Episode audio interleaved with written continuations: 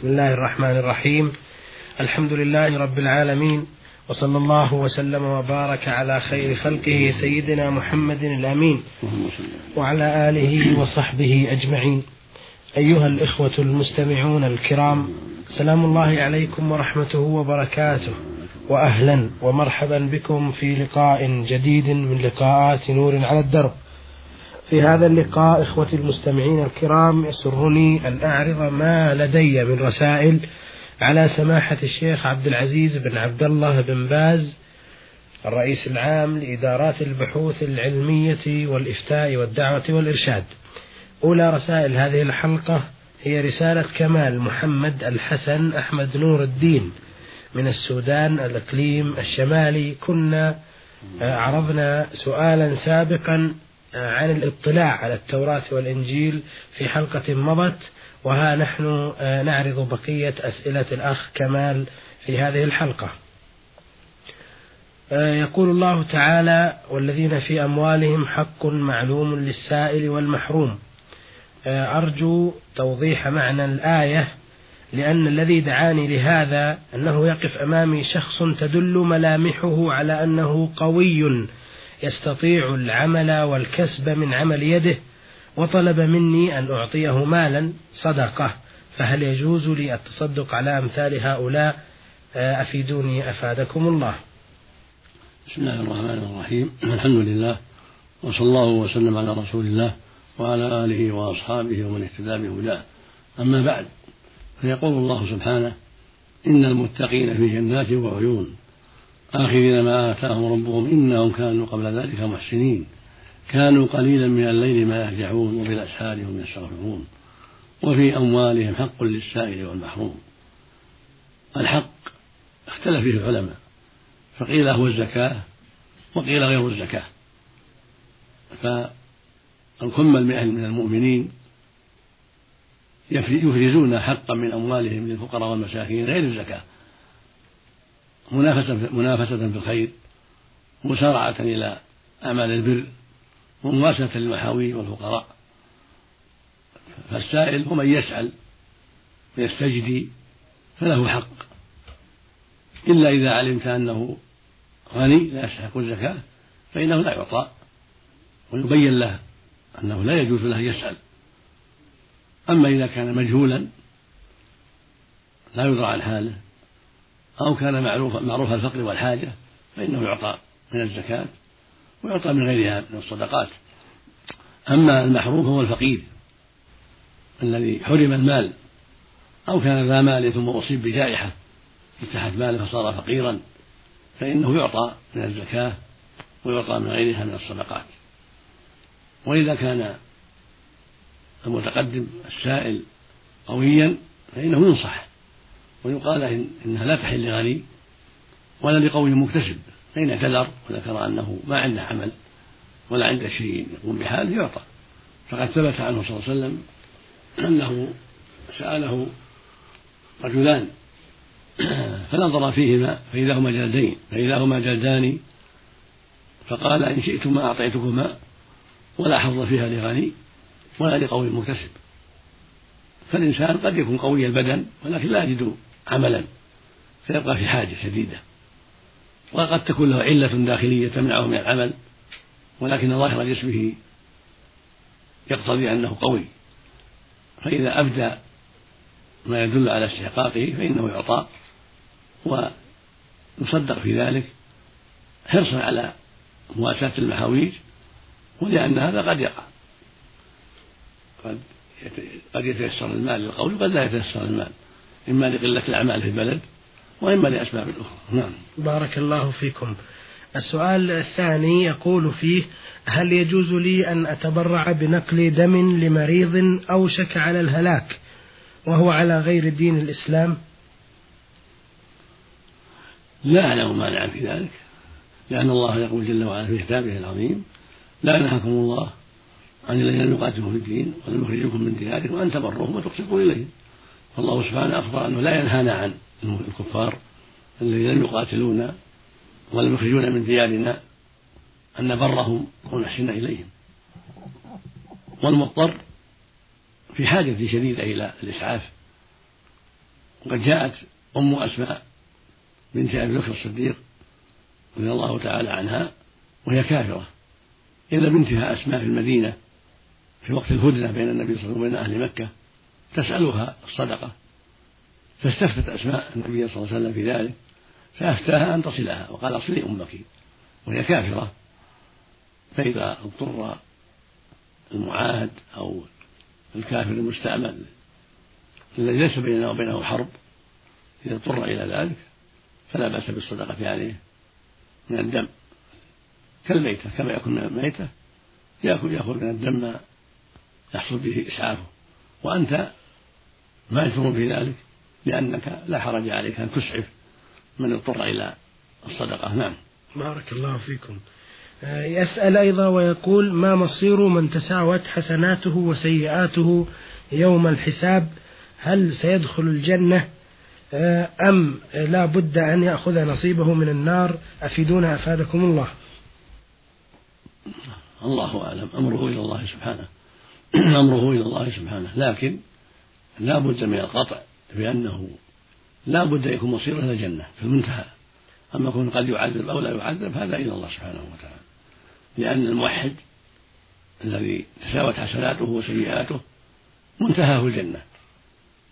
لكن قد يعفى عنه. بفضل الله سبحانه وتعالى يدخل الجنة من أول وهلة. وقد يدخل النار بسيئاته التي لم يتم منها. فهو تحت مشيئة الله عز وجل. والله أعلم. هل يدخل الجنة من أول وهلة؟ أو لا يعفى عنه بل يعذب على قدر المعاصي التي مات عليها لم يتب ثم يصل إلى الجنة. هذه قاعدة عند أهل السنة والجماعة. مصير واحد إلى الجنة سواء دخل النار أو لم يدخل النار.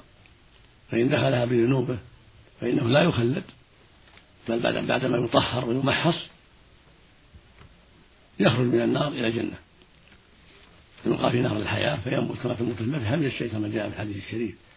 ثم بعد ذلك يدخل الجنة. وقد يعفو الله سبحانه وتعالى عن العاصي الموحد المؤمن قد يعفو الله عنه بشفاعة الشفعاء أو بفضله سبحانه المجرد ورحمته من دون شفاعة أحد. فيدخله الله الجنة جل وعلا. قد تواترت الأحاديث عن رسول الله صلى الله عليه وسلم أن بعض العصاة يدخل النار.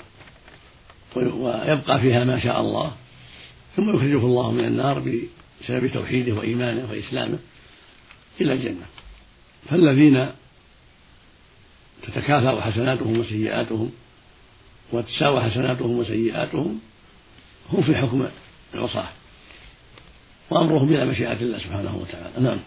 بارك الله فيكم وجزاكم الله خيرا. الرسالة الثانية في هذه الحلقة وردتنا من هاشم مجد الدين السليفاني من محافظة دهوك من الجمهورية العراقية. يسأل يقول هل يستطيع المسلم أن يتزوج كتابية أي يهودية ونصرانية وهي على دينها والمسلم على دينه؟ نعم يستطيع. إذا كانت محصنة إذا كانت اليهودية والنصرانية محصنة معروفة بالسلامة من الفواحش واتخاذ الأخدان فإن الله أباح ذلك. كما قال سبحانه والمحصنات من والمحصنات من أوتوا الكتاب من قبلكم. قال عز وجل اليوم أحل لكم الطيبات وطعام الذين أوتوا الكتاب حل لكم وطعامكم حل لهم. والمحصنات من المؤمنات والمحصنات من أوتوا الكتاب من قبلكم. إذا آتيتموهن أجورهن. فإذا كانت المحصنة يعني معروفة بالسلامة من اتخاذ الأحدان من الزنا وهي حرة لا, لا رقيقة فإنه لا بأس بنكاحها.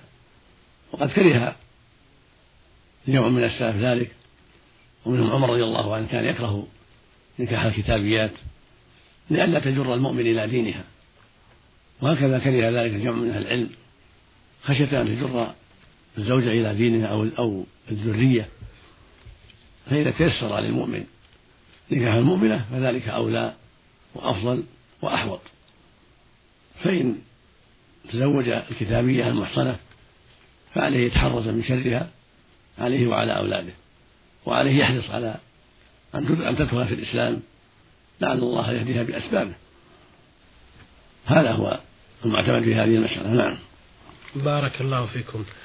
يسأل أيضا ويقول الأخ هاشم مجد الدين آه النية في العبادات في الصلاة أو غيرها هل يقول نويت أن أصلي الظهر أربع ركعات؟ بمعنى أن ينطقها أو أن محلها القلب فقط. السنة في النية القلب هذه السنة. والنطق بها بدعة لا أصل لها. لم ينطق بها النبي صلى الله عليه وسلم ولا أصحابه رضي الله عنهم ولا الأئمة المعروفون من العلماء. ولكن ينوي بقلبه يعلم بقلبه أنه سيتوضأ سيصلي سيصوم سيحج. يكفي أن يقول نويت أن أصلي كذا نويت أن أتوضأ كذا لا أصل لهذا. ولكن القلب كافي والحمد لله. إلا الحج فإنه يتلفظ بالنسك. ما يقول نويت كذا يقول لبيك كذا لبيك حجا لبيك عمرة كما فعل النبي عليه الصلاة والسلام وأصحابه. نعم. بارك الله فيكم. يسأل أخيرا ويقول هل تجب الزكاة في الحمص والعدس؟ والعسل أفتونا بذلك. بارك الله فيكم. أخذ العلماء من من أدلة الزكاة أن كل مكيل مطعوم تجب فيه الزكاة فالحمص والعدس والذرة وأشبه والشعير والدخن والأرز كلها مكيلات مطعومة فيها الزكاة إذا بلغت النصاب وهو ثلاثمائة صاع بصاع النبي صلى الله عليه وسلم خمسة أوسق والوصف ستون صاعا فإذا بلغ المجموع من الحمص أو من العدس أو نحوها من الحبوب المطعومة المأكولة المكيلة فإنها تزكى إذا بلغت هذا النصاب خمسة أوسق. ثلاثمائة صاع بصاع النبي صلى الله عليه وسلم. وصاع النبي معروف أربعة أربعمائة وثمانون مثقالا نعم. بارك الله فيك. يعني أربع حفنات صاع النبي أربع حفنات بيدي الرجل المعتدل الخلقة. إذا ملأ اليدين أربع مرات هذا صاع والواحدة مد. والصاع أربع حفنات باليدين المعتدلتين المملوءتين. ولا عبرة في الصغيرة المعروفة ولا بالكبيرة الزائدة ولكنه الوسط وبالمثاقيل أربعمائة وثمانون مثقالا والمد والمد مائة وعشرون مثقالا. ضبط الفلوس بالعراقي المعروف سابقا. نعم. بارك الله فيكم. هذا بالنسبة للنصاب يعني يا شيخ؟ نعم. هذا التفصيل في النصاب. النصاب نعم. بارك الله فيكم يعني 300 صاع بصاع النبي صلى الله عليه وسلم. نعم. صاع النبي أقل من صاعنا الموجود في نجد نعم. وهو مثل ما تقدم أربع حفنات باليدين المعتدلتين نعم. بارك الله فيكم. والعسل؟ العسل فيه خلاف. وليس هناك دليل واضح على وجوب الزكاة فيه. بعضها لم يرى فيه الزكاة. فإذا زكاه احتياطا حسن. نعم. جزاكم الله خيرا. آه هذه رسالة وردتنا من السائل ألف لام ميم من الخرطوم السودان. يقول في رسالته توفي أخي منتحرا. لكنه ترك خطابا آه، يقول فيه الجنة أم النار الجنة أم النار عدة مرات. فهو مؤمن بيوم القيامة وبالجنة والنار لكنه لا يعرف مصيره. وقد تألمت والدته أشد الألم فهي صابرة على قضاء الله وقدره لكنها تتألم وتقول إنه مات منتحرا والمنتحر في النار وهذا سر عذابها. فالسؤال هل يجوز لي أن أقوم بالحج عنه أو أقوم بأي نوع من أنواع العبادات وأهبها وأهبها له؟ أفيدونا أفادكم الله. الانتحار من أكبر الكبائر. وقد قال الله جل وعلا ولا تقتلوا أنفسكم إن الله كان بكم رحيما. ومن يفعل ذلك عدوانا وظلما فسوف نصليه نارا وكان ذلك على الله يسيرا. وقال النبي صلى الله عليه وسلم من قتل نفسه بشيء عذب به يوم القيامة. فالانتحار من أقبح الكبائر. لكن عند أهل السنة والجماعة لا يكون كافرا. إذا كان مسلما يصلي معروفا بالإسلام واحدا لله عز وجل مؤمنا به سبحانه وبما أخبر به ولكنه انتحر لأسباب إما مرض شديد ولا جراحات شديدة ولا أشبه ذلك من الأعذار. فهذا الانتحار منكر وكبيرة من كبائر الذنوب ولكنه لا يخرج به من الإسلام. إذا كان مسلما قبل ذلك لا يخرج بالانتحار من الإسلام بل يكون تحت مشيئة الله سبحانه وتعالى كسائر المعاصي. إن شاء الله عفى عنه وأدخله الجنة بإسلامه وتوحيده وإيمانه. وإن شاء ربنا عذب في النار على قدر الجريمة التي مات عليها وهي جريمة القتل ثم بعد التطهير والتمحيص يخرجه الله من النار إلى الجنة. فينبغي لوالدته أن تدعو له كثيرا وأن ترحم عليه كثيرا تصدق عنه كثيرا لعل الله يلطف به. ولعل الله يرحمه إذا كان مسلما. أما إذا كان ليس بمسلم لا يصلي أو يستهزئ بالدين أو يعبد القبور ويتعلق بالأموات ويدعو الأموات ويستغيث بهم هذا لا يدعى له. وليس بالمسلم في الظاهر أمره إلى الله سبحانه وتعالى. نسأل الله السلامة والعافية. نعم. بارك الله فيكم وجزاكم الله خيرا. وهذه رسالة وردتنا من المرسل حاتم ظاهر من الجمهورية العراقية. يقول هل زيارة الإمام أو السيد تعتبر ذنب على الزائر إذا قبل الشباك أو باب الغرفة أو الضريح للإمام؟ وما الحكم في كلام الزائر أثناء هذه الزيارة كأن يقول للإمام أنا دخيل عليك أن تنقذني من هذه القصة أو غير ذلك؟ أفيدونا أفادكم الله. زيارة القبور سنة مؤكدة للرجال إذا كان المقصود منها الدعاء للميت والترحم عليه والاستغفار له. كما كان النبي يزور القبور عليه الصلاة والسلام وكان أصحابه يزورون القبور. وقال لهم صلى الله عليه وسلم زوروا القبور فإنها تذكركم الآخرة. فالزيارة فيها خير, عظيم ومصالح. تذكر الإنسان الآخرة تذكره الموت يدعو لإخوانه الأموات يستغفر لهم يترحم عليهم. هذه الزيارة الشرعية كان النبي صلى الله عليه وسلم يعلم أصحابه إذا زاروا القبور أن يقولوا السلام عليكم أهل الديار من المؤمنين والمسلمين؟ وإنا إن شاء الله بكم لاحقون. نسأل الله لنا ولكم العافية. وفي حديث عائشة يرحم الله المستقدمين منا والمستأخرين. هذه هي الزيارة الشرعية. أما كونه يدعو الميت يقول أنا دخيلك أو اشفيني من مرضي أو خلصني من كذا هذا شرك أكبر لا يجوز. لا مع إمام ولا مع غير إمام. لا مع النبي ولا مع إمام أبي حنيفة ولا مع غيرهم. لا يجوز أن يقال هذا للأموات. لا يقول الميت أنا في جوارك أنا في حسبك أغفر لي أو انصرني أو اشف مريضي أو رد غائبي أو خلصني من هذه الكربة التي أنا فيها أو ما أشبه هذا. لا يقال. ولا يجوز. بل هذا من خصائص الله سبحانه وتعالى. لا يقال للميت ولا للجماد في الصنم ولا للجن ولا للملائكة. بل هذا يطلب من الله سبحانه وتعالى. فالذي تعاطى هذه الأمور مع أصحاب القبور قد قد فعل الشرك الأكبر الذي حذر الله منه عباده وأنزل وأنزل الكتب في حقه وأرسل الرسل لأجل ذلك. قال سبحانه وتعالى كتاب أحكمت آياته ثم فصلت من لدن حكيم خبير تعبدوا إلا الله. قال سبحانه فلا تدعوا مع الله أحدا. قال عز وجل ولقد بعثنا في كل أمة رسولا أن يعبدوا الله واجتنبوا الطاغوت. فالعبادة حق الله سبحانه وتعالى. فليس للعبد أن يطلب شفاء المرض أو رد الغائب أو التخليص من الكرب من الأموات أو من الأصنام أو من الكواكب أو من الأشجار والأحجار أو من الجن أو من الملائكة. كل هذا لا يجوز بل هو شرك أكبر.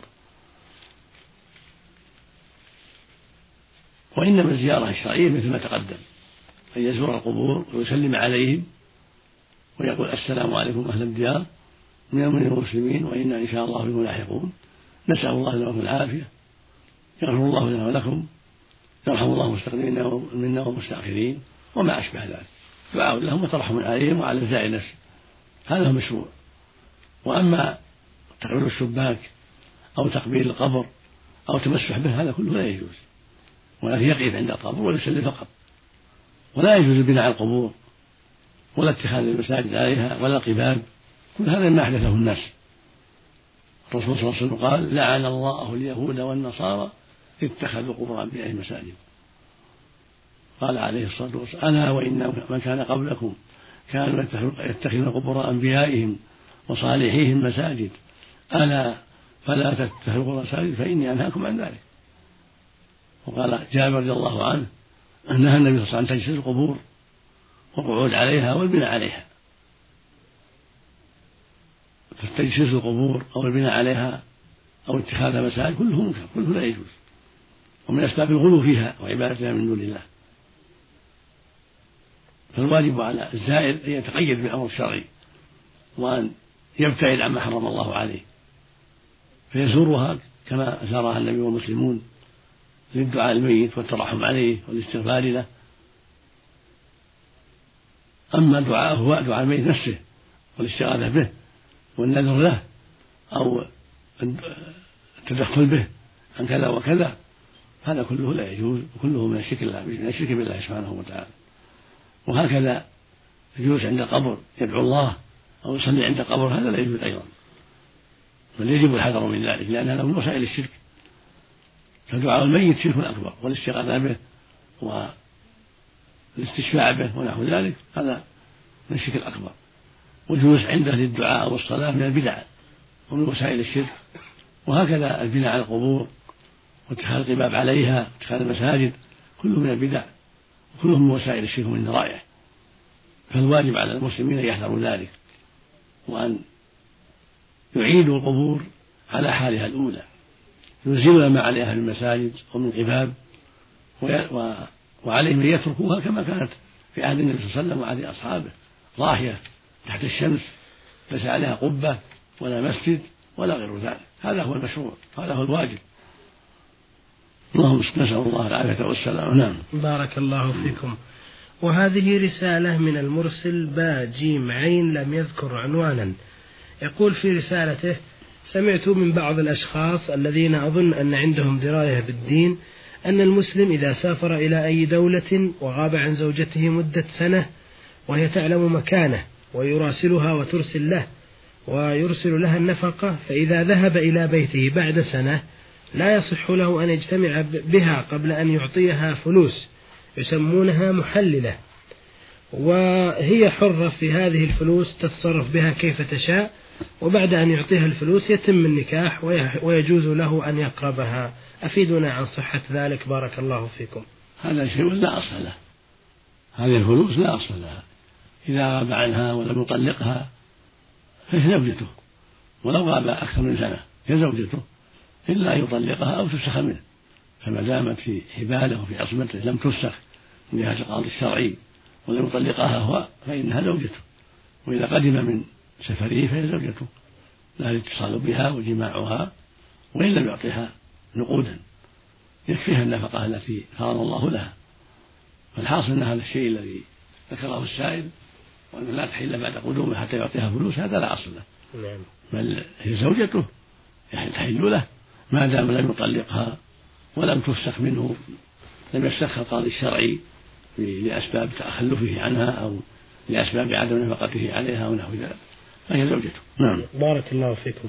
يسأل أيضا ويقول رجل تزوج امرأة وبعد ستة أشهر أنجبت له طفلا فهل المولود ابن للزوج شرعا أم لا؟